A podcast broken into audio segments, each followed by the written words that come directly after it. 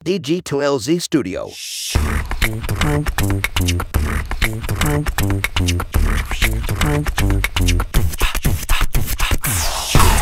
Selamat pagi, siang, sore, atau kapan pun waktu yang teman-teman pakai untuk mendengarkan podcast ini. Kembali lagi bersama saya Panji di podcast Ngobrol Bisnis.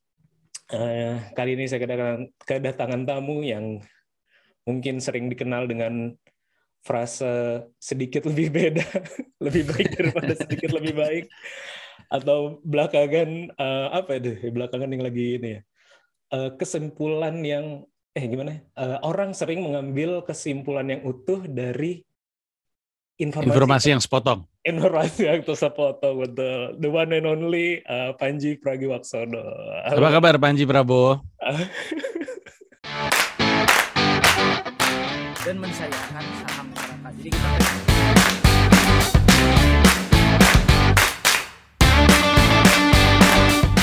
beda sama Jakarta kalau orang Bandung tuh eh, pasti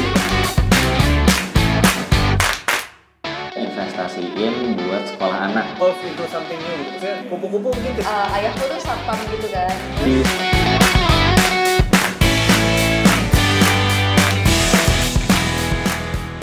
Alhamdulillah. Apa kabar, Bang? Baik, baik. Alhamdulillah. Ah, Oke. Bersyukur eh, kali ini trip balik ke Jakartanya nggak nggak COVID. Terakhir kali pulang ke Jakarta kan kena COVID. Oh iya, iya. ini ini baru-baru nyampe banget ya. Iya, kemarin sebenarnya. Cuman Ah. kan kemarin kan ya baru banget nyampe jadi mungkin rada ribet.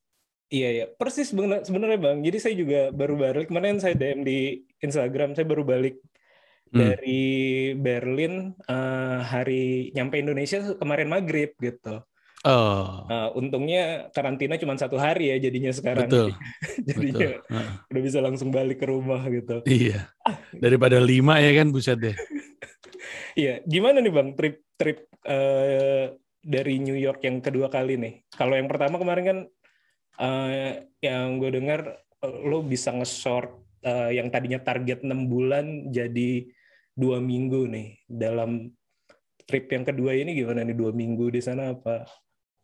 Em, eh, kalau yang kemarin sih eh, pencerahannya dari sisi pendidikan anak-anak. Jadi kemarin itu emang targetnya itu mencoba untuk memastikan semua informasi yang bisa gue dapatkan terkait sekolah anak, terus ngobrolnya panjang, baik dari orang Indonesia yang anaknya SD, orang Indonesia yang anaknya SMA, terus gitu orang Amerika yang anaknya SD, orang Amerika yang anaknya SMA. Hmm. Nanya semuanya, terus informasinya matang, sehingga nanti ketika eh, ketemu sama anak-anak sama istri, mereka lagi lagi pada jalan-jalan. Eh, ketika ketemu sama anak sama istri bisa cerita dan nanti trip berikutnya akan fokus di tempat tinggal. Oh, I see. Jadi sebenarnya memang benar-benar eh, yang disiapkan itu ya bukan cuman masalah tadi ya eh, karirnya juga, tapi benar-benar moving bawa-bawa keluarga semua ke Hmm. sana ya, termasuk sekolah dan juga tempat tinggal ya. Ya. Menarik, menarik, menarik, menarik. Itu ini sebenarnya eh, apa ya? eh, sangat eh, menginspirasi sih, bukan menginspirasi ya. Mungkin adalah itu adalah sesuatu yang eh, Bang Panji lakukan tuh eh, bahkan saya sama istri jadi ngobrolin gitu.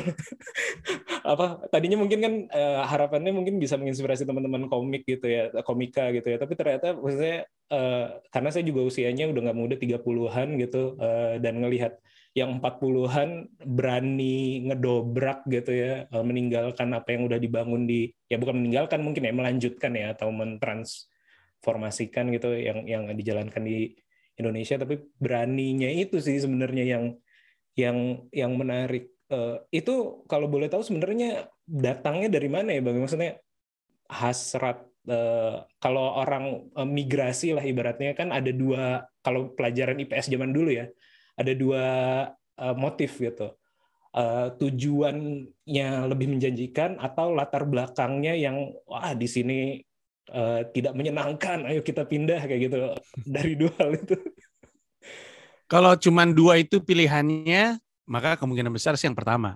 Hmm. Walaupun bukan serta merta karena oh di sana lebih menjanjikan duitnya lebih banyak karena kan pada kenyataannya jadi lebih nggak ada duit ketika pindah ke sana. Ya, Motivasinya itu sebenarnya cuman em, motivasi yang sama kenapa kenapa gua stand up, kenapa gua nge-rap bahkan kenapa gua nulis dan nyutradara film. Cuman ingin memastikan bahwa tidak ada cita-cita yang em, tidak berusaha untuk dikejar gitu. Eh, jadi karena salah satu cita-citanya adalah pengen coba berkarir di Amerika Serikat di New York, ya coba aja. Tapi tentu ada lagi hal-hal yang mendasari itu bisa terjadi ya. Salah satunya em, gue emang tipikal orang yang eh, pengen nyoba aja dulu gitu ya, cobain aja dulu gitu. Orang lain nggak ngelakuin karena udah keburu menyensor dirinya gitu, menyensor niatnya tanpa pernah dicoba. Ya udah coba dulu aja gitu. Dulu juga waktu World Tour em, si majalah Rolling Stone bilang kayaknya lu orang Indonesia pertama deh yang tour bener-bener proper tour gitu ya bukan kayak eh, dia manggung di festival Glastonbury terus nanti ada job lagi di Permias LA terus nanti bukan kayak gitu bukan manggung terpisah. Emang bener-bener ini turnya ini kota awal ini kota akhir satu merchandise satu eh, satu judul gitu. Hmm. Eh, baru baru gua. Terus ditanya waktu itu yang di pikiran lu apa? gitu. Terus gue mikir eh gue bilang waktu itu soalnya nggak ada salahnya nyoba kan maksud gue cobain aja gitu. Kalau misalkan ditolak ya emang wajar siapa yang pernah lakuin tapi kalau misalnya ternyata diterima kan so much to gain not much to lose gitu. Hmm. Em, dan di sisi lain kalau dari stand up comedy ya stand up comedy itu secara biaya jauh lebih murah daripada anak band. Mungkin band nggak kepikiran untuk bikin tour karena band berpersonil empat orang aja Hmm. itu minimal punya 10 manusia untuk diberangkatkan gitu. Karena setiap ini kalau misalnya mau proper ya setiap ala setiap player punya kru sendiri gitu. terus udah gitu ada ada sound ada sound sound engineer-nya ada manajernya jadi uh, rame gitu alat juga banyak. Stand up kemudian cuma bawa dirinya sendiri sama mikrofon. Mikrofon juga dari venue nggak apa-apa gitu. Hmm. jadi sebenarnya gue pikir-pikir lebih murah gitu. Nah jadi emang dari dulu sampai sekarang tuh nggak pernah berubah. Kalau punya niat dia dikejar Hmm. dan nggak usah khawatir kalau misalkan usahanya ternyata eh, tidak tidak sampai gitu. Karena hmm, setidaknya kita udah tahu gitu bahwa oh ini bisa dilakukan dan ini nggak bisa dilakukan gitu. Iya iya iya. Itu menarik sih bang. Jadi eh, kebetulan ada gue ada beberapa teman-teman anak-anak band yang juga eh, tour Eropa gitu, tapi memang stylenya adalah mencari funding gitu. Jadi kayak di lembaga Indonesia kan kayak eh, Backcraft atau sekarang Kemenparekraf kadang-kadang suka ada budget untuk mm, eh, orang-orang berkesenian atau yang me- me- menyiarkan eh, kesenian Indonesia di luar kayak gitu. Tapi yang gue lihat kalau yang lo lakukan, eh, oke lo gaining sponsorship juga nyari sponsorship juga, eh, tapi yang lebih utamanya, gue nggak tahu sih secara rasio, tapi yang lebih utamanya lo adalah mengutilize si konsernya ini atau lo mengutilize si eh, produknya ini eh, jadi eh, bisa dijual gitu, tiketnya bisa dijual kayak gitu, terus juga merchandise-nya tadi yang lo bilang.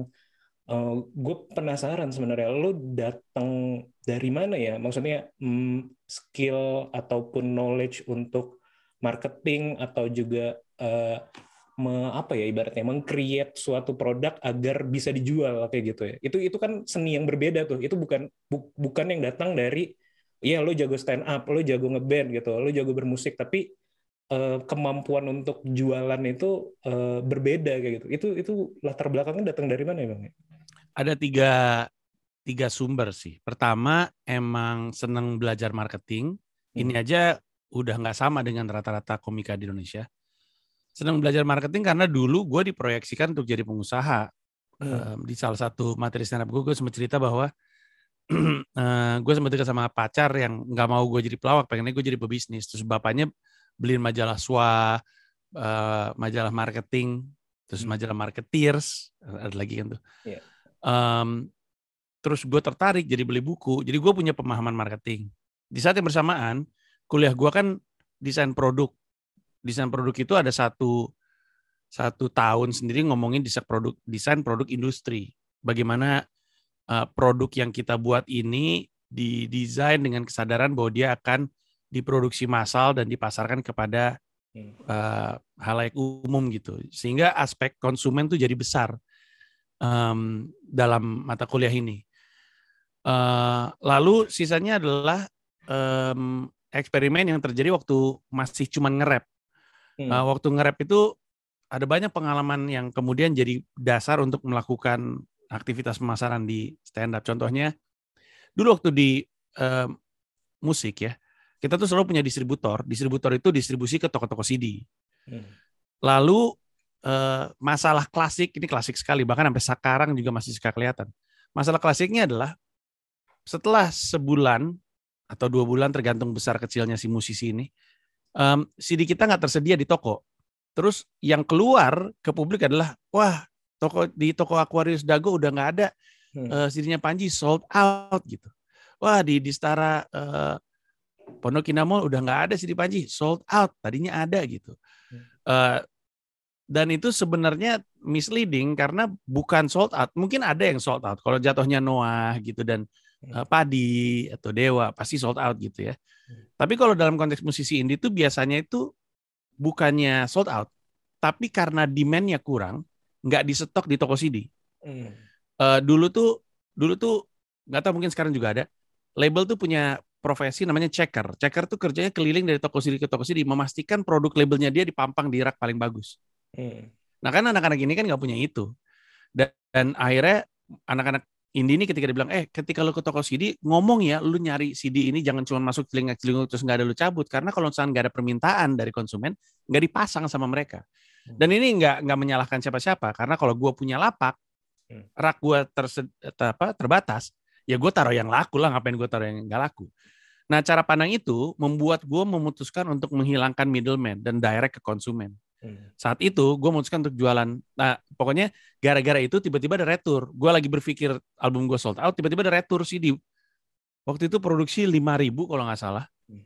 Terus eh 1000 di gua, 4000 di distributor. Tiba-tiba balik eh 4000 eh 3500 gitu. Pokoknya jadi banyak gitu. Terus karena setiap hari ini barang numpuk di samping meja makan, enak sendiri. Akhirnya gue cari cara untuk jualan direct ke konsumen itu juga berlaku sama ketika bikin konser, konser rap waktu itu. Konser rap tuh susah banget untuk dapat dari sponsor. Sponsor tuh agak enggan untuk mensponsori rap pada zamannya ya, karena rap itu identik dengan pe- penikmat itu bukan tipikal pembeli, bukan bayar gitu. Senangnya jebolan, senangnya gratisan gitu-gitu. Senangnya download. Dan akhirnya gue eh, memutuskan untuk ya udah kalau gitu eh, nggak usah nggak usah berharap sama sponsor ya kita usaha aja sendiri jualan tiket ke konsumen.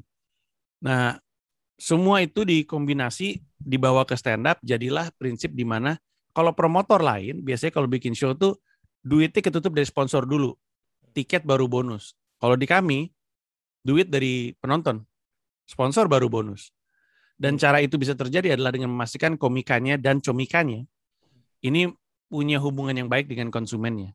Dan itulah yang terjadi di karir gue dari Mas Akib, eh, dari eh, Bineka Tunggal Tawa sampai dengan eh, ternyata ini sebabnya kemarin. Dan Komodo Mono yang akan jalan nanti. Iya iya iya. Oke oke.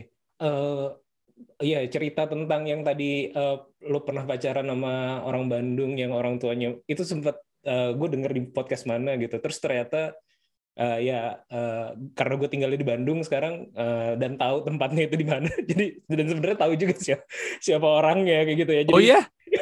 Iya. yang punya sebuah eh, area tempat makan di arah Oh. Palembang sana gitu kan ya kalau dari Setiabudi kan. Iya. Tapi gue menyadari ternyata ada beberapa ya.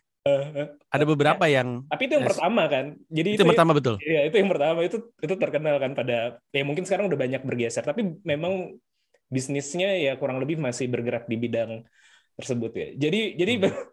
awal asal muasalnya salah satunya adalah karena sempat dicekokin lah ya ibaratnya dicekokin knowledge atau eh, ilmu-ilmu tentang marketing dan eh, entrepreneurship ya kayak gitu. Ya. Ini menarik sebenarnya gue membahasnya karena kan ini podcast ngobrol bisnis ya. Jadi gue sudut pandangnya akan akan melihat lebih banyak di situ Hmm. beberapa produk eh, bahkan lo gue nggak tahu istilahnya apa ya upsell atau mungkin farming gitu ya itu berkali-kali lebih dari yang seharusnya gitu Hmm. Eh, eh, sebagai contoh misalnya yang gue lihat hmm, apa ya yang video lo yang dianimasiin itu eh, stand up eh, keadaan, Keadaan kahar, kahar. ya. keadaan kahar itu kan dijual oke dijual tiketnya terus eh, selain dijual tiketnya oh, oke sold out gitu lalu lo jual juga digital download Mhm. itu kan ibaratnya satu produk di berkali-kali gitu lalu Hmm. setelah itu lo jual lagi gue sempat baca juga ada nonton barengnya juga Mhm. setelah itu lo jual uh, kartunnya apa animasinya kayak gitu Mhm. Eh, it- itu gimana tuh bang bisa dapat kepikiran seperti itu atau juga eh, apa ya eh, proses datangnya tuh dari mana ya pemikiran seperti itu dan juga kenapa lu pede bisa ada nih orang yang mau gitu misalnya Eh, pertama-tama kalau spesifik ngomongin keadaan kahar itu sejujurnya bukan ide gua, tapi ide CEO-nya Comika.id namanya Lutfian. Hmm. Dia yang waktu itu mikir ini setelah jadi digital download kita eh, bikin versi animasinya dua dimensi gitu. Terus ada dia. Tadinya dia cuma ketemu mitra yang nanya boleh nggak gua bikin ini animasi.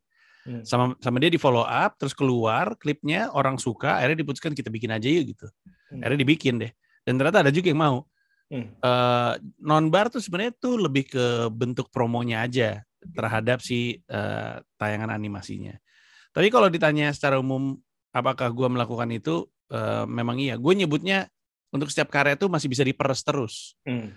Eh, kenapa terpikir kayak gitu? Karena em, salah satu tantangannya kan mencoba untuk memastikan komika bisa hidup dari karyanya. Hmm. Nah kan butuh sesuatu yang berkelanjutan. Sementara komika tuh kalau bikin konser ya palingan setahun sekali gitu. Em, dan nggak mungkin kan berarti dia cuma dapat duit dari satu tahun eh sekali dalam satu tahun ketika dia bikin show. Eh, jadi gue selalu mengingatkan sama orang-orang bahwa stand up comedy special itu bukan acara off air, itu tuh konten. Lu bisa masih bisa peres lagi. Lu potong-potong lu taruh di YouTube jadi AdSense.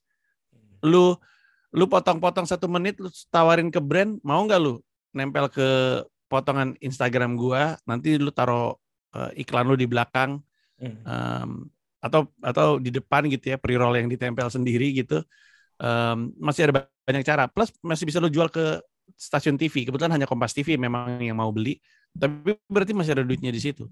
Plus kalau misalkan lu masih punya skripnya lu jadiin buku juga jadi barang itu Hmm. Eh, plus kalau misalkan lu mau jadiin digital download masih bisa plus masih dan seterusnya dan seterusnya dan seterusnya Hmm. kenapa karena ini membantu komika punya pemasukan yang lebih eh, berkesinambungan daripada cuman satu kali doang, satu lepasan. Jadi em, eh, it- itu dasarnya dan pengennya sih mengingatkan semua orang untuk untuk fokus pada IP ketimbang hanya pada pertunjukan gitu. Bahwa eh, keadaan kahar tuh bisa bisa jadi terakhir sebabnya deh masih bisa jadi sesuatu yang lebih luas lagi gitu. Kalau misalkan sekarang gue mau bikin konten berita bisa pakai bendera ternyata ini sebabnya. Hiduplah Indonesia Maya aja hasilnya asalnya tuh pertunjukan stand up.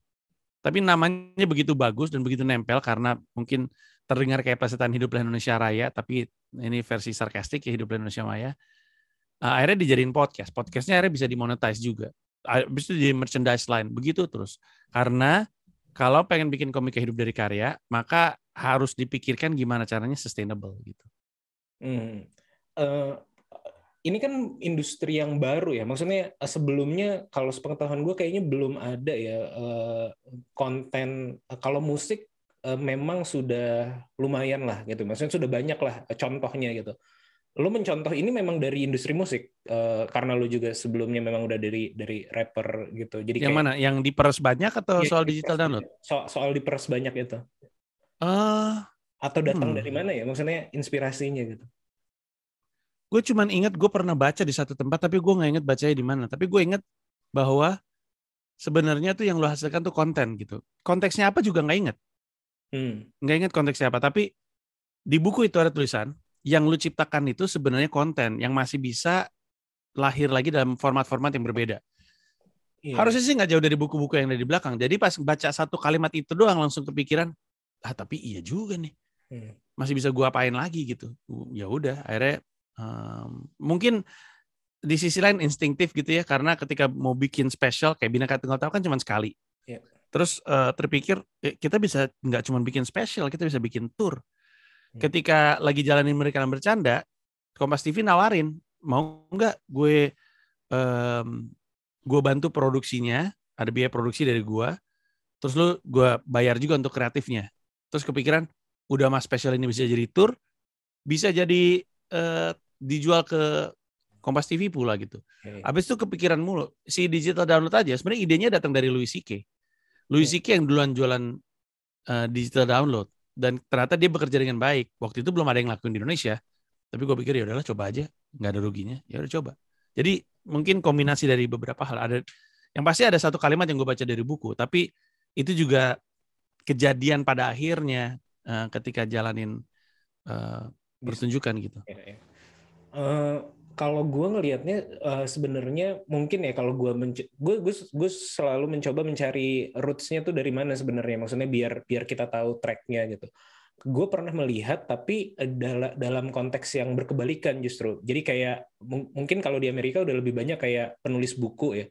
Kalau penulis buku yang menciptakan konten dulu secara eh, apa ya secara terstruktur gitu. Dia bikin konten gitu dia bikin tulisan setelah itu dia monetize-nya adalah dengan bikin macam-macam tuh dia bikin gigs eh, eh, apa namanya bicara pembicara terus juga apa ya eh, kadang-kadang bahkan eh, dibacain eh, kalau misalnya novel ya kalau bukan Iya. buku buku pengembangan diri kalau misalnya novel dia bikin eh, ngebacain chapter-chapter tertentu dibacain oleh Hmm. penulisnya itu jadi jadi jualan gitu jadi jadi dari penciptaan konten tapi eh, ujungnya adalah jadi performer gitu jadi pembicara jadi ini. Kalau kalau yang eh, lo lakukan kan atau musisi lakukan dari kalau musisi mungkin juga konten dulu ya bu- karena album. Album dulu ya bukan bukan karena dia bukan per bukan apa ya k- kalau kesenian eh, bener gak sih kalau kalau kesenian stand up kan memang kesenian penampilan kan kes- kesenian pertunjukan kan bukan bukan Betul. yang di-create untuk eh, jadi buku gitu kan. Ya, berarti- betul. berarti prosesnya adalah kebalik kan. Jadi memang orang menciptakan konten eh, stand up tuh untuk diperformkan setelah itu baru ya kalau jadi digital download kan artinya bukan bukan bukan perform lagi tapi kayak kita nonton kan. Ya jadinya tayangan. Jadinya tayangan gitu kan. Itu kalau Itu- musisi kayaknya setidaknya awalnya dari single sih. Hmm, single dulu baru album. Singlenya untuk nyari tahu traction sih.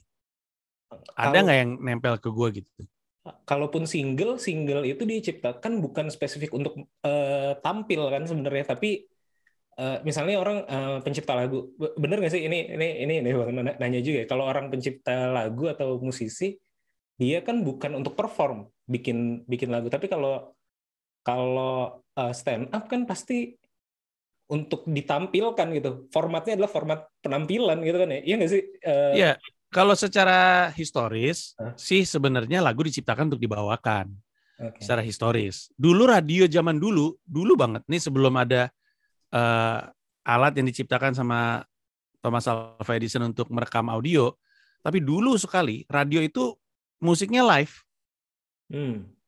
Cek, cek aja. Eh, radio itu dulu dulu banget itu musiknya live. Lalu em, namanya apa sih gramofon atau apa? Dan nggak tahu nih ini Thomas Alva Edison atau Alexander. Graham Bell. Pokoknya ada Ya. inventor yang menemukan cara untuk merekam eh, musik. Lalu em, akhirnya radio memutuskan untuk pakai mending gue masang beginian aja karena masa gue bawa big band mulu ke radio ongkosnya gede banget gitu. Hmm. Dan pada zaman itu pun ada kendala dari musisinya. Musisinya awalnya nggak apa-apa direkam, tiba-tiba pas eh, semua radio mainin hasil rekamannya, lah kok gue jadi nggak ada job terus dimarahin si yang si Hmm. entah Edison atau atau Graham Bell. Eh, Jadi yang mengubah eh, alasan untuk menciptakan lagu itu industri rekaman justru. Awalnya lagu diciptakan untuk dibawakan, tapi sekarang ada banyak sekali musisi detik ini persis bikin lagu untuk langsung ditaruh di Spotify atau bikin lagu untuk taruh langsung di YouTube. Ada banyak musisi-musisi dan ini diskusi antar musisi ya. Gue rapper tapi tentu gue bukan nama prominent di industri musik, tapi di di para pelaku industri musik ada obrolan soal sekarang banyak banget nih seniman internet yang lagunya bagus tapi nggak tahu caranya manggung. Manggungnya basi, manggungnya membosankan, manggungnya kaku, nggak punya kemampuan komunikasi. Kemudian baru setelah lama manggung akhirnya akhirnya bisa gitu. Nah jadi eh, betul dan tidak betul bahwa sekarang orang ketika bikin lagu dalam kepala itu tidak selalu dibawakan. Yang penting gue rilis aja di Spotify. Orang gampang rilis lagu di Spotify atau di YouTube. Em, tapi pada sejarahnya semuanya memang dibawakan untuk dinyanyikan secara langsung gitu. Hmm, iya, iya. Berarti teknologi juga uh, mengubah ya, dan mungkin juga nanti uh, bentuk atau atau lo membayangkan ada nanti ya, uh, kalau kita mau berkaca pada industri musik, uh, lo membayangkan nggak ada seorang komika yang memang profesinya adalah komika gitu. Berarti kan Hmm. kalau tadi musisi awalnya dia adalah showmanship gitu, dia adalah Hmm. performance uh, performer gitu, terus dia uh, menciptakan lagu untuk dibawakan. Uh, sekarang kan uh, bisa jadi kebalikan tadi ya. Uh, Hmm. Dia menciptakan lagu aja dulu, tapi bisa aja pas manggung belum tentu bisa manggung atau masih Hmm. malu belum belum jadi seorang performer gitu. Uh, mungkin nggak nanti ada komika yang uh, kalau komika sekarang kan pasti performer gitu loh. Dia harus di atas panggung, dia harus megang mic gitu. Jadi ada komika nanti di depan yang eh, dia bikin video aja, tampil sendiri lucu dan segala macam. Baru nanti kebalikan gitu. Ketika udah populer kayak musik jadinya. Kalau udah populer, oke gue baru belajar manggung, gue baru belajar performing deh kayak gitu. Sangat mungkin dan sudah terjadi, walaupun nggak persis seperti itu. Hmm. Gara-gara pandemi kan job pada hilang. Lalu ada format telling jokes yang baru yang dipopulerkan sama Bintang Emon. Oke. Oke. Bintang oke. Emon tau kan video yang dia ya. monolog itu, itu kan sebenarnya tuh beat. Makanya banyak komedian ngebedah itu. Ernest Prakasa bikin video bedah eh, soal videonya Bintang Emon, Rindo Entertainment pernah ngebedah. Karena pada dasarnya yang eh, Bintang Emon lakukan itu tuh stand up. Cuman dia ngomong ke handphone. Teruntuk Anda-anda yang tapi semuanya tuh kalau kita breakdown itu jokes itu. Nah, gara-gara itu demand terhadap Bintang Emon jadi gede. Hmm. Tapi bedanya pre pandemi Bintang Emon memang sudah manggung. Iya, iya. Tapi ke depannya nanti gue nggak kaget kalau misalkan ada banyak komedian-komedian, mungkin bukan stand up komedian, komedian-komedian yang populernya di YouTube dulu, eh, apa di sosmed dulu, Hmm. sampai akhirnya karena dia lucu sekali, kemudian eh, dia pindah ke eh, stand up komedi yang mana dilakukan di atas panggung itu sangat mungkin terjadi. Iya, iya. Eh, dan gue juga eh, tertarik ya sama poin, eh, bukan poin ya tadi ya, kalau masalah yang diperes eh, lebih banyak gitu ya, diperes sampai habis mungkin ya kalau kalau gue lihat ya. Hmm. Eh, karena gue lihat kalau gue search lo di Spotify, eh, selain rap lo ya da- da- dalam kategori lo sebagai artis eh, di Spotify ya, lo juga memasukkan beat-beat stand up lo Hmm. jadi apa ya jadi audio yang ya audio berbayar berarti kan sebenarnya yang dibayar Spotify kalau itu diputar seperti itu kan ya Betul. Eh, Gue dibayar per stream. Iya dibayar per stream seperti hak eh, seperti layaknya musik lo juga Betul. nilainya itu sama bang kalau boleh Sama. ya, sama berarti per, per playnya sama itu ya Sama. hmm, menarik menarik Iya. gue berarti kayak tadi ya kalau contoh kayak bintang Emon atau atau eh tadi beberapa komik yang lo contohkan bisa juga sebenarnya ketika dia punya konten lucu belum pernah ditampilkan lalu dirilis aja sebagai gelondongan eh bukan gelondongan sebagai itu statusnya apa bang musik atau eh, Spoken words kategorinya. apa kategorinya Spoken words. spoken words oh itu ada juga ya bukan Ada. masuknya ke podcast ya berarti ya? Enggak, itu juga gue taunya juga dari mereka, dari si Oh. agregatornya. Ini masuknya spoken words nih gitu. Oh, berarti kalau di Spotify itu kan kalau musik kita bisa bisa bedah kalau ada apa ya namanya plagiat atau misalnya ada yang Sama, sama atau ada yang nyontek gitu. Eh, Ya. di stand up juga sama. Oh, itu yang melakukan baru lo aja atau udah ada yang lain bang? Kalau di Sekarang ada talent lain, talent di manaj- eh, talent manajemen gue yang lain ikutan. Ada Rin Hermana sama Erwin Wu, mereka juga ada naruh. Oh, I see. Yang mana menarik karena Spotify baru aja ngapus-ngapusin audio-audio stand up komedi yang dari luar negeri karena ternyata selama ini nggak bayar ke komediannya Eh, dan yang komedian minta nggak sama-sama seperti yang musisi minta. Mereka mau minta lebih gede, Spotify nggak mau. Akhirnya dicabut, makanya hilang tuh semua tuh. Gue tadinya punya playlist isinya eh, track-track stand up yang gue suka dari berbagai macam komedian. Sekarang pada hilang, tersisa dikit. tapi di Indonesia malah baru dilakukan gitu. Betul oleh gue sama Rin Hermana dan Erwin Wu. Oh, iya berarti kalau misalnya itu terjadi lebih memungkinkan lagi yang model-model kayak bisa aja bintang Emon tidak merilis itu di ya tapi kan eh, impact-nya berbeda ya. Kalau kalau misalnya bintang Emon mungkin aim- eh, tujuannya adalah untuk dapat eh, spotlight dan dia eh, duitnya adalah setelah setelah itu viral dan segala macam baru dia dapat eh, dipanggil atau apa segala macam gitu kan. Kalau ini Hmm. kan kayak ya seperti musisi tadi berarti ya bisa jadi kayak gue ngerilis uh, spoken word aja uh, uh, yang mungkin uh, nggak tahu itu ya di ininya dari mana ya ke uh, diukur originalitas dari mana ya sebenarnya kalau gue misalnya bikin podcast nih atau misalnya gue ada kata-kata bijak lah dalam tanda kutip gitu alih-alih gue taruh di podcast tapi gue maju sebagai artis lalu masuknya spoken word itu bisa berarti bang kayak gitu ya Bisa, bisa. Dan kalau yang dikhawatirkan adalah hak cipta, Ya. di Indonesia kan, nggak tahu kalau di luar negeri ya, tapi yang pasti di Indonesia kan em, sebenarnya kalau ada yang ngedispute, nanti jatuhnya siapa yang duluan ngerilis.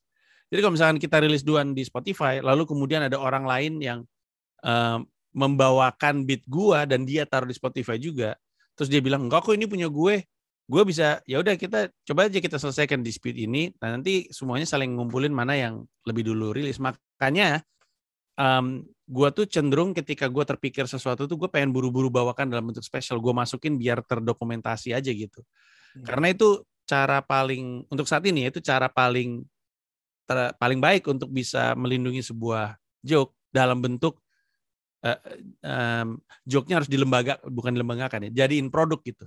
Ka- kalau misalkan cuma gue bawain di atas panggung itu nggak cukup untuk nggak cukup kuat untuk dilindungi tapi kalau gue jadiin produk tayangan entah itu video entah itu audio itu bisa jadi dasar eh, untuk perlindungan gitu makanya gue pengen buru-buru rilis terus Iya, iya betul betul karena karena kalau hak hak cipta itu eh, pembuktiannya adalah eh, ini sudah diketahui gitu, bukan bukan bukan harus didaftarkan tapi eh, cukup diketahui ada beberapa orang gitu sebenarnya udah cukup untuk jadi Ya. saksi lah ibaratnya kalau misalnya ada dispute atau apa. Ya. Hmm, menarik menarik. Nah eh, itu kan kalau eh, tadi ya eh, kalau eh, berbicara tentang lo sebagai eh, produk lah ya atau karya-karya lo sebagai produk gitu eh, sehingga bisa lo peres dan segala macam.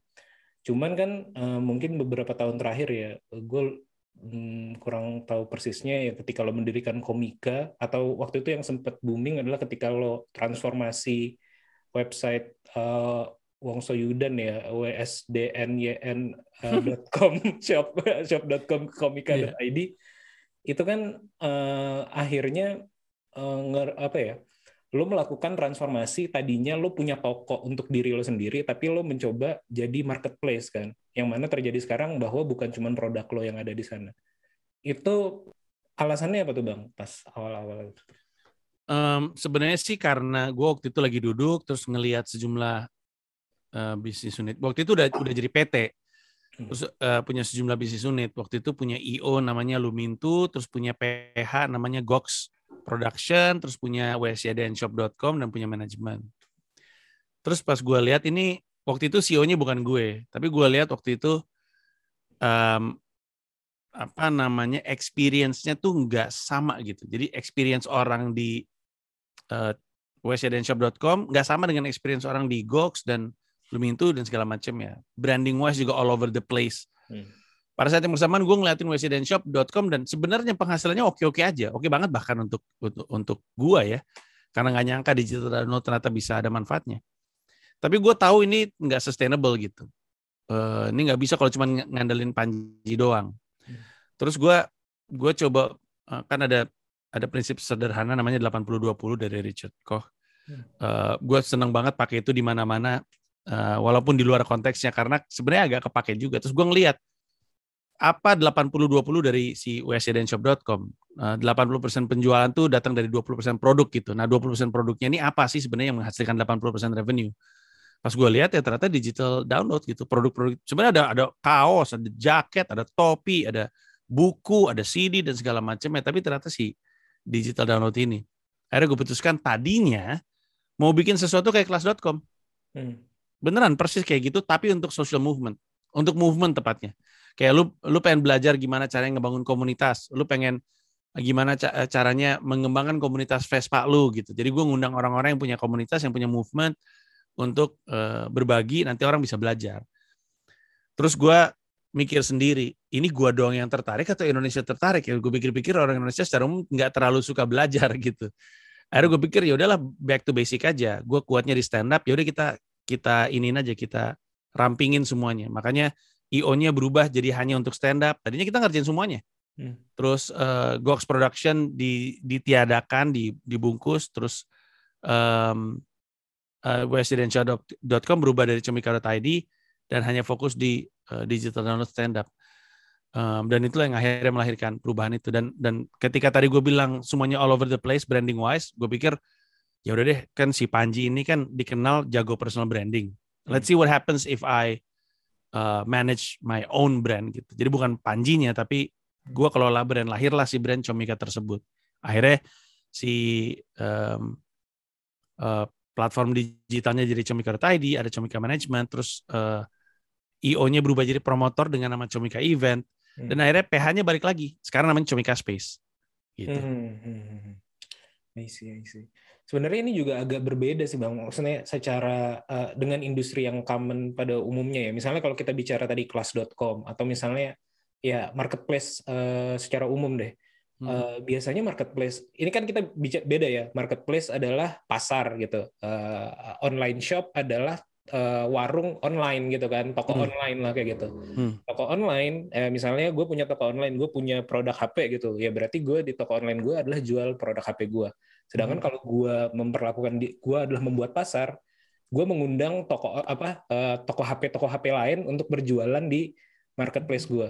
Hmm. Ini kan ini kan sesuatu yang berbeda. Biasanya tidak terjadi transformasi tuh, karena Hmm. biasanya eh, tidak tidak terjadi transformasi dari yang tadinya punya toko lalu Jadi marketplace. karena ada apa ya ibaratnya ada kecenderungan untuk tidak adil. Mungkin pertama ya kalau kalau da- karena ya gue punya pasar gue punya to- eh, produk eh, punya toko sendiri ya gue akan lebih memarketingkan eh, produk gue dong. Dan ya itu terjadi di mana-mana ya. Jadi kayak Tokopedia Tokopedia nggak jualan eh, handphone tapi ya biarin orang yang jualan handphone berjualan punya toko di Tokopedia atau kelas.com kelas.com tidak ya mungkin sekarang udah mulai ada ya original kelas tapi eh, atau tapi kebanyakan adalah ya tadi gathering orang-orang ini jadi ini dua bisnis model yang berbeda sebenarnya Kalau Hmm. kelas.com mereka semuanya produksi sendiri.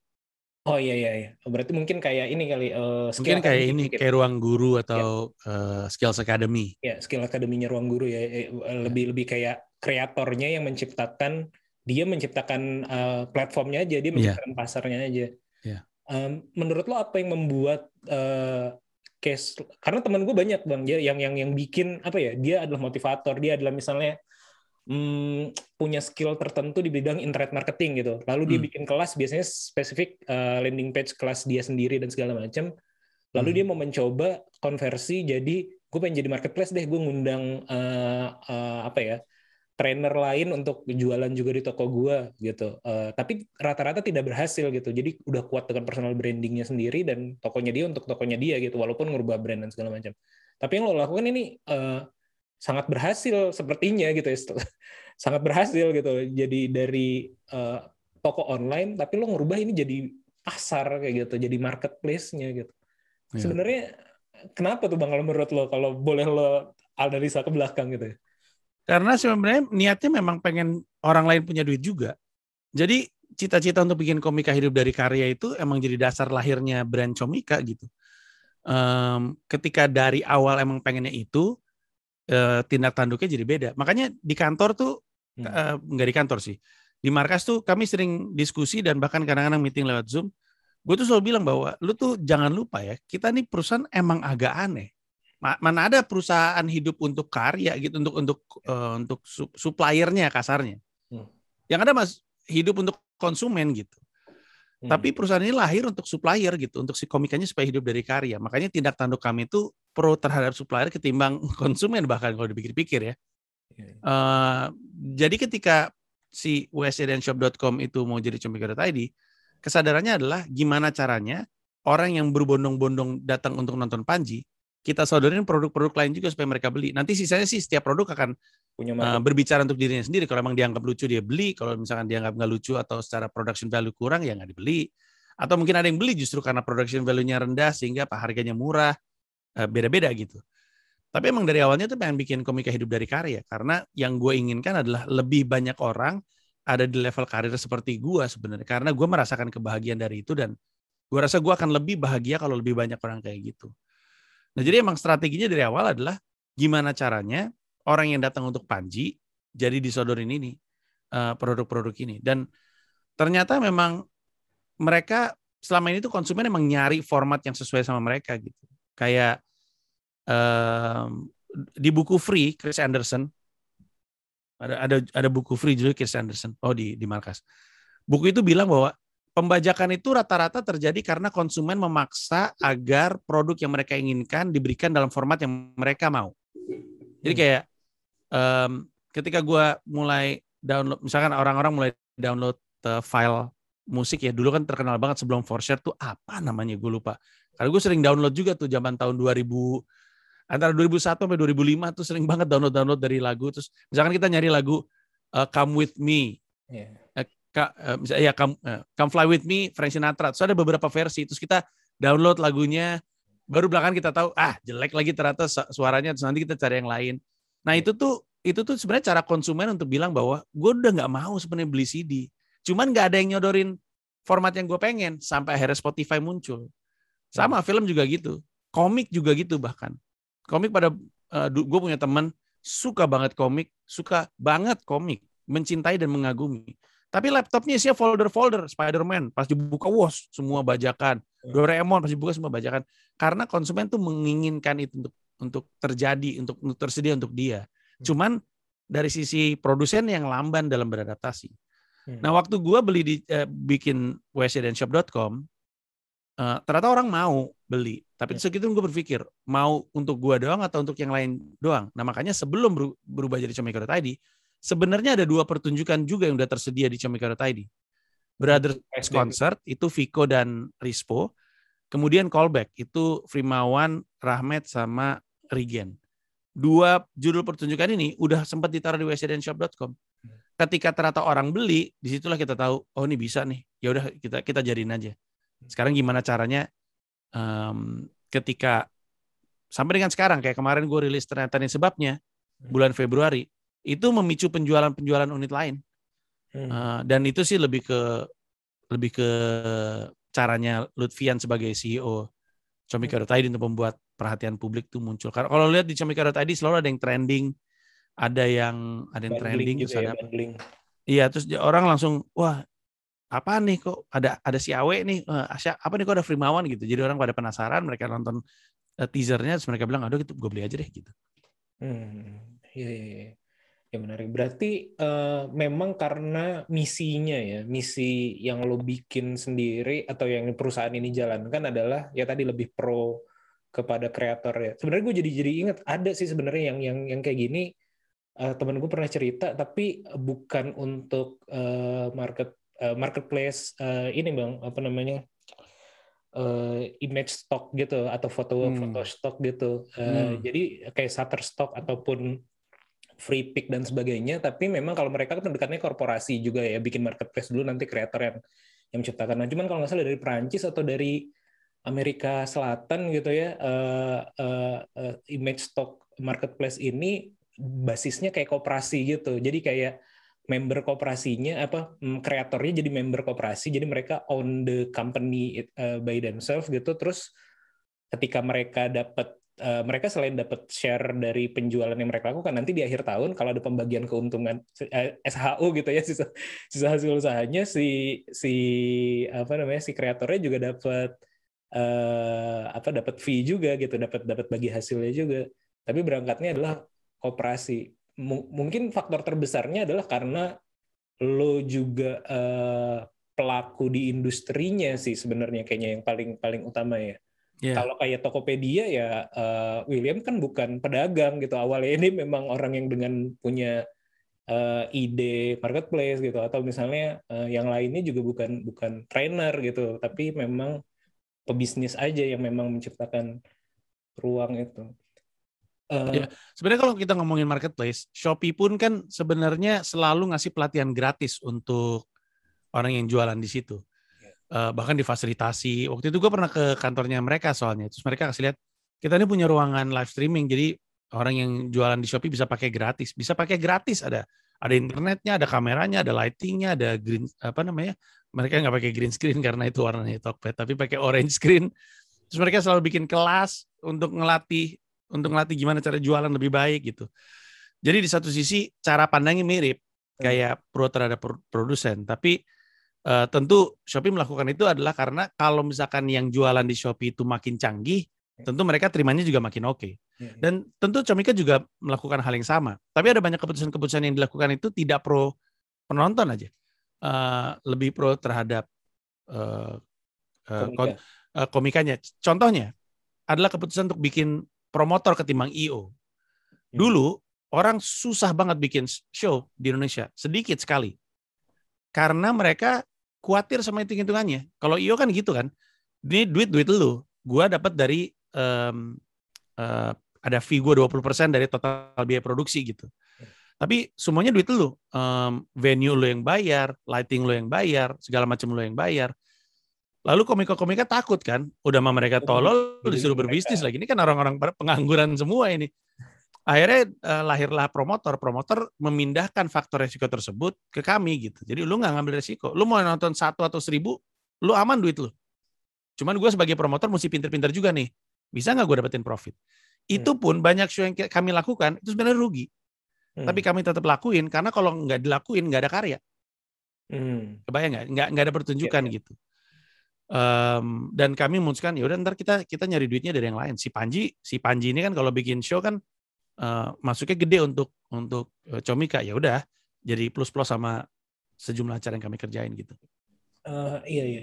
Eh, tapi lo memberlakukan kalau ini, eh, ada ada beberapa pertanyaan turunan nih jadinya. Kalau kalau kalau lo member eh, lo memberlakukan diri lo sebagai kreator juga kan ya di Mhm. di Komika. Jadi eh, di di platformnya Komika. Jadi lo tetap dapat pembagian hasil lo sebagai Betul. kreator setiap penjualan. Oke. Eh, Sama persis untuk untuk sama baik gue sebagai promotor atau gue di Comika tadi sama persis.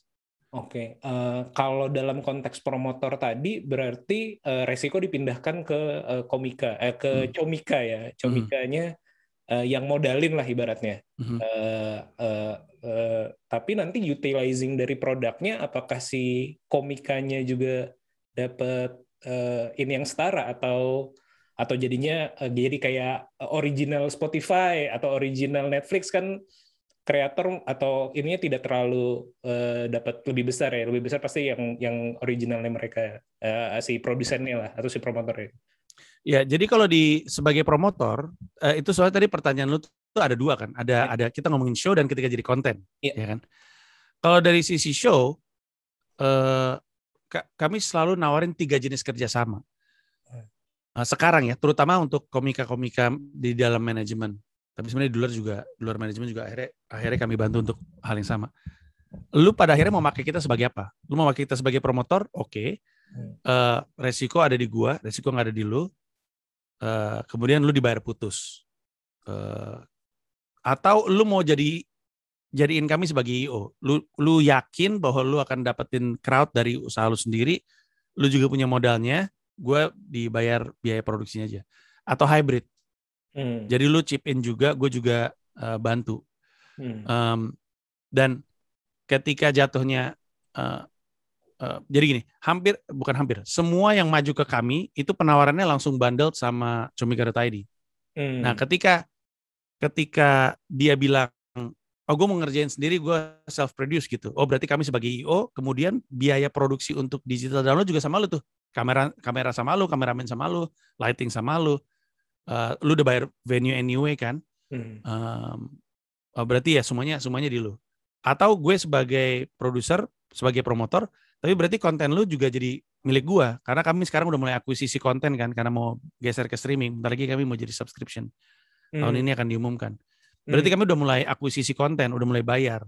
Hmm. Eh, ya kayak Netflix aja gitu. Hmm. Em, tapi kalau misalkan lu bilang ah gua gua nggak mau kalau misalkan eh, Kontennya. gue gua nggak punya duit sih untuk eh, eh, memproduksi event tapi kalau misalnya ngerjain digital download gue mungkin masih Bisa. masih kuat oh iya deh kalau gitu kita ambil yang opsi barusan tuh yang Hmm. yang hybrid gitu dari sisi pertunjukan gue yang ngerjain Ya. dari sisi digital download lo yang ngerjain Hmm. ya udah jadi jadi ada kombinasi nah fleksibilitas ini yang semakin memudahkan komika untuk mau bikin pertunjukan kalau Hmm. kita ingat semua yang tadi kita omongin bahkan nggak ngomongin konsumen sama sekali Iya, iya. nggak ada dalam pembicaraan ini karena semuanya fokusnya untuk talent untuk komika Iya, iya, iya. Ini, iya, iya. Ini menarik sih, Bang. Jadi maksudnya, eh, karena paling tidak eh, opsinya itu ada gitu ya. Opsi yang tadi lo sebutkan sehingga mereka bisa memilih atau komika bisa memilih mau eh, mau yang mana gitu ya. Ya, Tapi ya. mungkin gue duga ya, kalau kalau sekarang mungkin hmm, gue nggak tahu sih, kayaknya nggak ada atau mungkin kayak eh, beberapa eh, manajemen lain juga bikin digital downloadnya sendiri gitu. Tapi mungkin yang terbesar adalah Comika ya sebagai platform eh, untuk digital eh, digital download eh, stand up show kayak gitu. Mhm. Tapi mungkin ke depannya kalau apalagi udah berubah jadi streaming, mungkin juga akan terjadi permasalahan yang eh, terjadi juga di kayak Spotify nantinya. Jadi kayak ada komika-komika pada comi eh komika pada protes wah tarif gue kekecilan nih per streamnya Eh, jadi kayak kayak yang terjadi kalau kalau kita bicara tadi kan eh, memungkinkan juga konversi apa eh, transformasi eh, yang terjadi di musik terjadi di komik juga gitu ya tapi mungkin nanti ke depannya juga ada apalagi kalau udah ada pesaing gitu bang Ya, ya. Tapi kami ketimbang mirip Netflix, lebih mirip Amazon Prime, Disney Plus, sama sama Apple Apple TV sebenarnya. oke Karena em, kalau mereka lebih ekstrim, Ya. kan ada istilahnya eh, apa namanya loss leader strategy. iya iya Eh, dan untuk yang nggak familiar, intinya adalah gua murahin banget nih produk gue yang ini, bahkan rugi, supaya gue jadi leadernya, supaya orang pada ke gue. Karena toh gue nyari duit dari produk-produk lain gitu. Kayak Amazon Prime kan bisnis utamanya bukan film. Itu tuh cuma cara mereka untuk bawa orang aja. Tapi nanti mereka habis nonton Ted Lasso, habis itu ntar, eh di Ted Lasso barusan ada laptop MacBook, lu mau beli laptop MacBook nggak? Terus udah gitu ditawarin produk gitu. Disney juga dagangan utamanya kan bukan Disney Plus, dia punya IP, dia punya Disneyland, dia punya banyak hal untuk dijadiin duit gitu. Netflix hanya punya Netflix, makanya Netflix sebenarnya lagi bingung. Mer- Mereka kemarin habis naikin harga. Karena mereka bingung kan, anjing gue ngeluarin duit banyak banget untuk spending konten, kalau gue nggak ngeluarin konten bagus, orang pada nggak mau subscribe. Pada saat yang bersamaan, gue mau nggak mau harus naikin harga subscription gue. Habis itu gue mulai sekarang mereka lagi fokus gimana caranya nggak ada password sharing kan, mereka lagi mikirin itu. Nah, Comika.id kan masih punya rombongan yang lain, ada Comika Management, ada Comika Event, sehingga em, kami cukup cukup optimis eh, posisi tawar kami, maksudnya Comika.id ya, itu sih akan akan tetap kuat gitu, karena sebenarnya kalau dipikir-pikir si Comika Company itu emang benar-benar 360 derajat sampai edukasinya aja masih kami yang ngurusin merchandise juga kami yang ngurusin jadi em, harusnya we're, we're in a good place lah Oke oke iya iya. Eh, ya menarik banget sih itu. gue gue pernah nonton eh, video lo, tapi bukan di channel lo ya. Jadi kayak lo interview sama ada eh, semeja gede gitu, ada Sofia Lacuba, ada Soleh Hmm. Solihun, ada salah satu bintang tamunya kalau nggak salah eh, in- mas apa Om Indro Warkop ya. Hmm. Eh, kalau nggak salah Om Indro Warkop tuh pernah ngomong di konten tersebut dia bilang kalau eh, waktu itu kalau nggak salah konteksnya pandemi ya, gue juga agak lupa. Cuman kalau nggak salah dia pernah ngomong kayak misalnya kebutuhan primer itu kan sandang, pangan, papan kayak gitu. Nah, entertain tuh termasuk yang eh, apa ya istilahnya premier, ter- tersier ya, eh, Mhm. masuk yang tersier gitu. Mhm. Eh, lu menyikapi ini bagaimana? Apakah itu masih relevan eh, tersier atau kalau kita lihat kan Netflix di masa pandemi, Spotify di masa pandemi kan gede-gedean juga tuh. Eh, gimana pandangan lu? Itu benar yang Pak Ade bilang benar tapi dulu Hmm. kalau sekarang sih buat gue gue susah untuk meyakini itu karena yang terjadi sebaliknya Hmm. orang kemarin tahun 2020 di bulan Juni ini lagi lagi puncak-puncaknya ketidakjelasan pandemi itu masih Juni loh nih. Gue jual eh, tiket untuk Komodo Menuhi Istora itu kejual 3.300 dalam tiga menit. Padahal tiketnya sampai satu juta gitu. Hmm. terus kan kita jadi berpikir ya gue udah khawatir sebenarnya. Hmm. nih kalau lagi pandemi gini orang prioritasin ke mana sih duitnya? Hmm. terus gue mulai nanya sama sama orang-orang yang rutin nonton gue gue tanya nih gue mau buka penjualan lu ready? Oh ready bang. Kita udah nabung dari Februari gitu oh gue udah punya duitnya udah ada posnya dari Februari karena gue waktu itu promo 10 billboard sekitar Jakarta kan dari Februari itu Em, dan gue udah ngumumin bahkan dari eh, Januari 2019 gue udah ngumumin bahwa akan ada komodo menoi jadi ketika transaksi terjadi dan kenceng banget kami mikir oh ternyata nggak nggak gini-gini banget juga ya. Abis itu kami jual eh, Hidup Indonesia Maya Digital Download itu juga di pandemi itu. Kayaknya April, April 2020. Hmm. Itu juga penjualannya kenceng banget sampai kita bingung sendiri. Berarti enggak, berarti emang benar sandang pangan papan lawakan. Mungkin bukan lawakan ya, kalau lawakan kan lebih ke kami, bisnis kami secara spesifik. Tapi sandang pangan papan hiburan Hmm. itu tuh sekarang untuk generasi ini krusial gitu. Ini Hmm. generasi yang berbeda dengan yang dulu gitu. Mereka Hmm. banyak yang nggak punya, misalnya ya, banyak yang nggak punya dana darurat, Hmm. tapi udah ke Eropa. Buat mereka experience tuh lebih penting gitu. Hmm. Nah jadi eh, sekarang rasanya nggak nggak seperti itu, nggak seperti yang diomongin sama Pak Ade karena terlalu terlalu sulit untuk gua meyakini itu. Yang yang gua rasa nggak nggak gitu sama sekali. Orang tetap spending walaupun lagi lagi krisis secara ekonomi gitu. Hmm. Dan kalau berdasarkan cerita lo, ceruk marketnya juga bukan yang apa ya? Kalau yang berdasarkan uh, premier, sekunder, tersier, berarti kan yang udah terpenuhi sekunder dan premiernya ya. Tapi tadi orang yang mau beli, orang yang nabung dulu, berarti kan maksudnya Ya. bukan dalam keluangan uh, ya memang uh, a- apa, apa itu uh, apa itu adalah orang-orang yang memang udah lo grooming uh, atau memang audiens baru juga yang yang yang memungkinkan beli Uh, itu yang memang udah lo grooming dan ngikut uh, karir lo selama ini sehingga loyal atau memang uh, yang baru-baru juga itu yang yang Kebanyakan sih hasil groomingan. Jadi kan kayak ada funnel gitu kan. Tadinya mereka nonton gratisan di YouTube. Habis itu mereka mulai ngambil resiko untuk beli digital download. Habis itu mereka mulai ngambil resiko untuk beli eh, show-nya, live-nya, tapi harga tiket paling murah. Habis itu mereka ngambil harga sedang, habis itu mereka ngambil harga mahal. Jadi mayoritas tuh selalu seperti itu. Yang pada akhirnya beli di digital download, tadinya udah pada nontonin YouTube gue. Dari kapan tahu klip stand up di YouTube gue.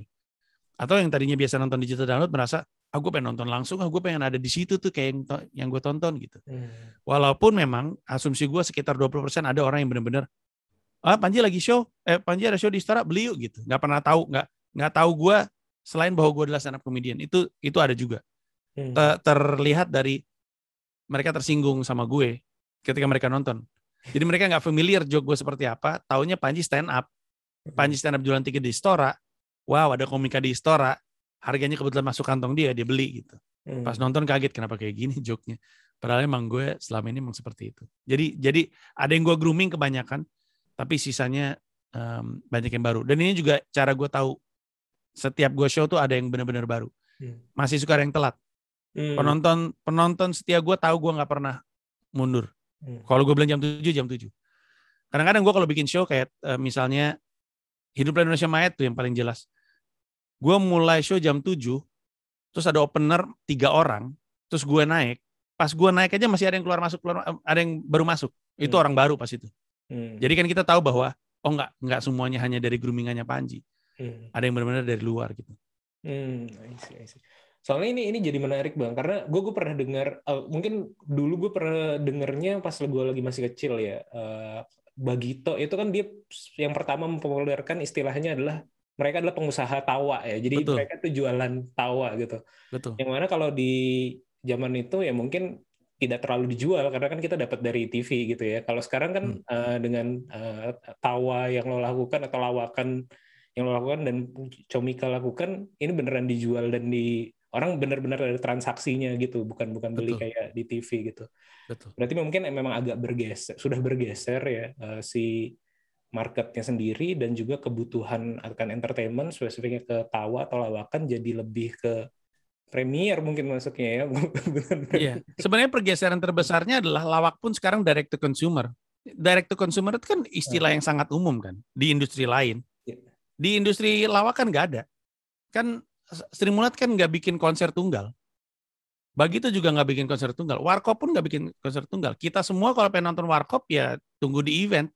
Hmm. Kebetulan Bang ini eh, nanggep eh, eh, Bagito ya kita nonton. Kebetulan eh, stasiun TV nanggep Warkop ya kita nonton gitu. Tapi nggak ada tuh kayak palingan mereka ini jualan kaset. Oh jualan iya. kaset itu udah itu dari dulu ya. Tapi kalau show gitu eh, nggak nggak nggak lazim. Ya paling kita beli kasetnya aja. Kasetnya sih kalau kaset ya kaset komedi sih wow merajalela banget dari tahun mungkin 70-an akhir, 80-an awal ke sampai 90-an tuh masih itu. Hmm, iya iya iya. Bersandingan dengan kaset ceramah juga. Betul, betul. Dan sanggar cerita pada zamannya tuh. Iya, iya, iya, iya, iya. Ini ini eh, udah mau di akhir nih bang. Cuman gue masih ada eh, beberapa pertanyaan sih sebenarnya. Silakan. Eh, apa ya? Kalau tadi kita ngomongin ya industrinya dekat dengan musik, apalagi eh, eh, mungkin juga dekat dengan film gitu. Eh, dan lo mau melakukan transformasi si Comika dari platform download jadi platform streaming gitu kan. Hmm. Ini adalah bisnis yang berbeda lagi nih bisnis modelnya. Kalau kalau Hmm. yang download kan ya udah eh, bagi hasil lah, bagi renteng kayak gitu ya, Hmm. bagi berapa berapa gitu sudah persentase. Nah kalau kalau subscription kan kayak Netflix atau Spotify dan lain-lain ini eh, ya itu ada perhitungan per streamnya berapa yang mana eh, jika numbersnya eh, si perusahaan ini eh, masih eh, subscribernya di sedikit dia masih mengcover eh, cukup besar atau dia masih merugi dalam term, term waktu tertentu lah. Eh, kalau boleh di share strategi lo gimana nih? Kalau kalau gue bandingkan ya misalnya di Indonesia kan juga udah mulai ada nih lokal-lokal yang bikin eh, film ya. Kayak bioskoponline.com tapi itu pun jatuhnya bukan streaming eh, subscribing eh, subscribe ya. Tapi eh, gue gue gue down eh, bukan download apa ya kayak kayak sewa DVD hitungannya jadi Hmm. gue gue gue pernah beli di bioskoponline.com itu Hmm.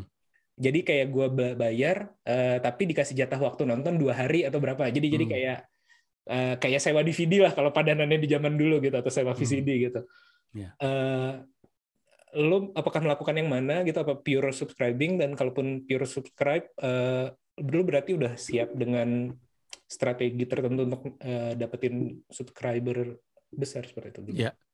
Nah, jadi sebenarnya yang lebih tepat untuk cerita ini Lutfian sebagai CEO Comika.id. Jadi Comika.id itu PT terpisah dari PT-nya gua. Comika Company itu Hmm. sisanya tuh ada manajemen, ada promotor, ada pecahkan, ada fisikal, ada Comika Space, ada yang Comika holding, yang Media. holding yang yang di mana tuh? Holdingnya- Sebenarnya sebenarnya ada lagi di atasnya, tapi perusahaan itu isinya cuma beberapa orang doang aja untuk sebagai uh, sharing uh, Iya, iya. sharing unit gitu kayak finance-nya bareng gitu-gitu. Iya, iya, iya. HR-nya bareng. Nah, jadi mungkin akan lebih tepat kalau uh, Lutfian yang cerita soal strategi, tapi sejauh yang um, dan gue juga nggak tahu boleh nggak ya gue cerita ini, tapi Hmm. kayaknya dia udah pernah presentasi deh di Comika Day. Jadi gue coba untuk cerita aja. Tapi paling update-nya ada di Lutfian ya, karena uh, gue gue nggak tahu mungkin kalau ada yang berubah. Tapi yang pasti ada tiga opsi. Jadi ada subscription, ada sewa, persis yang kayak tadi, sama tetap ada di- digital download. Karena terlalu mendadak untuk kami shifting. Oke. Um, kami nggak mau uh, membuang apa yang sedang bekerja gitu kurang lebihnya. Uh, sekarang yang lagi bekerja adalah yang digital download.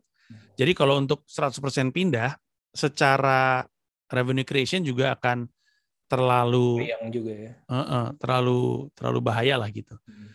Jadi uh, jadi kami punya konten memang konten yang ready untuk uh, orang-orang yang udah uh, subscribe gitu, udah jadi udah subscription gitu, mereka terbuka terhadap sejumlah um, katalog, termasuk produk-produk lama gua, jadi mereka bisa nonton.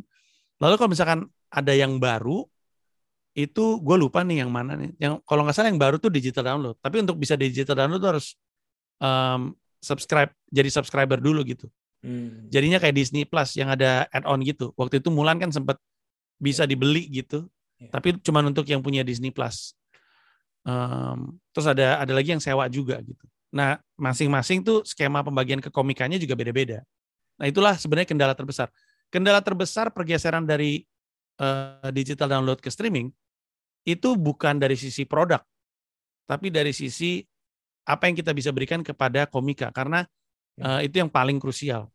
Teman-teman lain kayak eh, apa namanya yang yang lagi punya platform yang sama, mereka juga lagi nungguin kami menyelesaikan ini dengan para komika komika Indonesia gitu karena pengennya adil untuk mereka kan cita-citanya kan komika hidup dari karya. Hmm. Sementara seperti yang kita tahu Spotify itu selalu punya kendala tuh soal apakah ini adil untuk musisi gitu.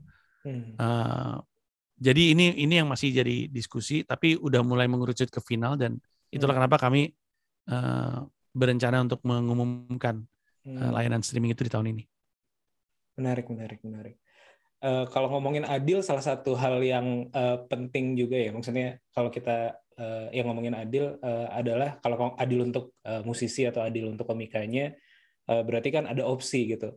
Eh, dan eh, seperti kayaknya lu pernah sampaikan ini juga ya eh, dalam konteks eh, podcaster lagi banyak dicari eh, karena platform audio streaming banyak dan segala macam jadi jadi pada pengen eh, platform-platform tersebut berlomba-lomba mencari kreator kayak gitu. Hmm. Eh, mungkin kalau akan adil juga kalau ada kompetitor bang. Jadi maksudnya kompetitor yang cukup besar juga atau ya mungkin yang orang eh, mungkin nantinya jatuhnya di luar di luar eh, komika atau di luar eh, eh, ini lo yang akan membuat kayak gini jadi jadi persaingannya jadi lebih fair dan si komik komiknya jadi punya pilihan gitu kan. Sebenarnya udah ada kan majelis lucu kan punya juga.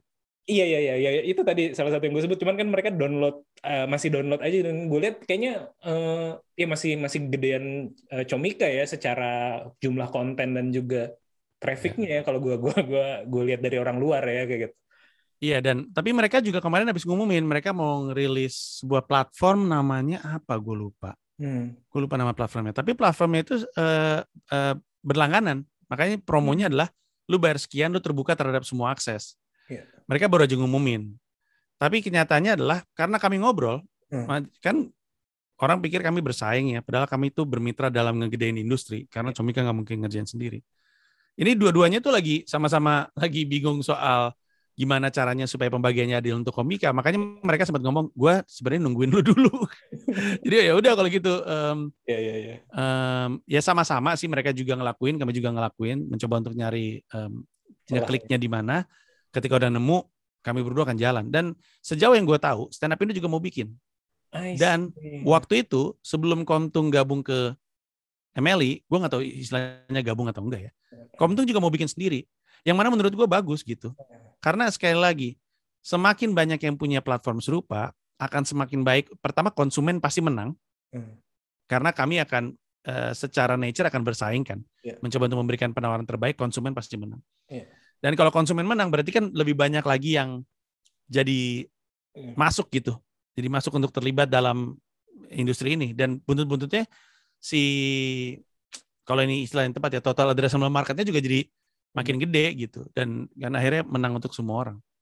Iya iya iya betul betul betul betul. Iya. Jadi kalau kalau eh, yang paling dekat menurut lo kalau kompe- eh, ya istilah kompetitor ya juga teman ya namanya kan biasanya hmm, orang misalnya bersaing hotel tapi juga ada asosiasi PHRI kayak gitu kan ada ada ada asosiasinya gitu. Mereka juga saling sharing trik eh, tips and trick juga gitu. Eh, itu ya dua tadi itu ya Bang ya berarti eh, Majelis Lucu Indonesia sama apa tadi satu lagi ya. Kom eh Komtung juga udah iya. bantuin ya Sebenarnya stand up Indo, tapi kan stand up Indo kan komunitas. bukan persaingan, bukan pesaing Comika ataupun Emeli ya.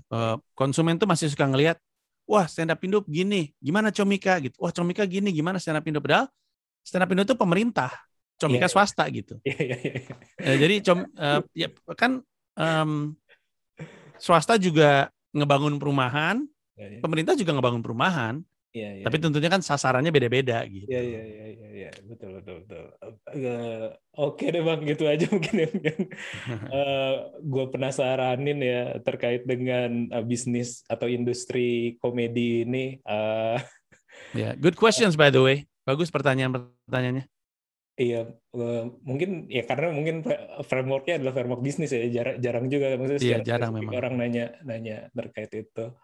Eh, mungkin terakhir eh, gimana nih bang, apa namanya eh, di New York ya gue tadinya pengen nanya ini pas lagi di New York sebenarnya biar relevan gitu kesannya atau aktual gitu tapi karena balik di Indonesia gue gue lihat lo bikin ini juga kan apa uh, akun sta- Instagram stand up Indo New York Iya, Juga standupindo.nyc. Silakan di-follow di Instagram. itu itu lucu banget sih sebagai Iya, sebenarnya itu akal-akalan gue aja karena gue pengen bikin merch-nya. Menurut gue kalau ada merch-nya sih keren. iya iya Tapi iya. pada saat yang bersamaan em, ada ada kebutuhan yang butuh yang harus dipenuhi. Jadi ada orang-orang sana pelajarnya juga pada pengen belajar stand up, Uh-huh. pelajar Indonesia maksud gue. Iya. Pada pengen belajar stand up. Gue butuh tempat untuk open mic untuk beat-beat berbahasa Indonesia karena job-jobnya masih ada di Indonesia gitu. Oh, Kebayang nggak maksud gue? Jadi kayak kalau gue lagi di New York mau ngelatih beat bahasa Indonesia kan susah. iya iya iya Jadi gue but, gue butuh fasilitas itu. Jadi ya udah emang paling bener bikin komunitasnya aja stand up Indo.nyc. Oke oke oke thank you bang semoga uh, lancar apa yang dilakukan Thank you. secara pribadi uh, gue dukung banget untuk Amin. uh, mengejar mimpi di New York Uh, dan juga secara bisnis mudah-mudahan komika comikanya uh, makin jaya juga. Amin. Uh, thank you juga udah hadir di podcast yang minimalis ini. Aman bro. Oke. Eh, terima kasih buat yang sudah mendengarkan sampai akhir. Eh, semoga obrolan kami ada manfaatnya. Sampai ketemu di podcast ngobrol bisnis episode selanjutnya. Bye.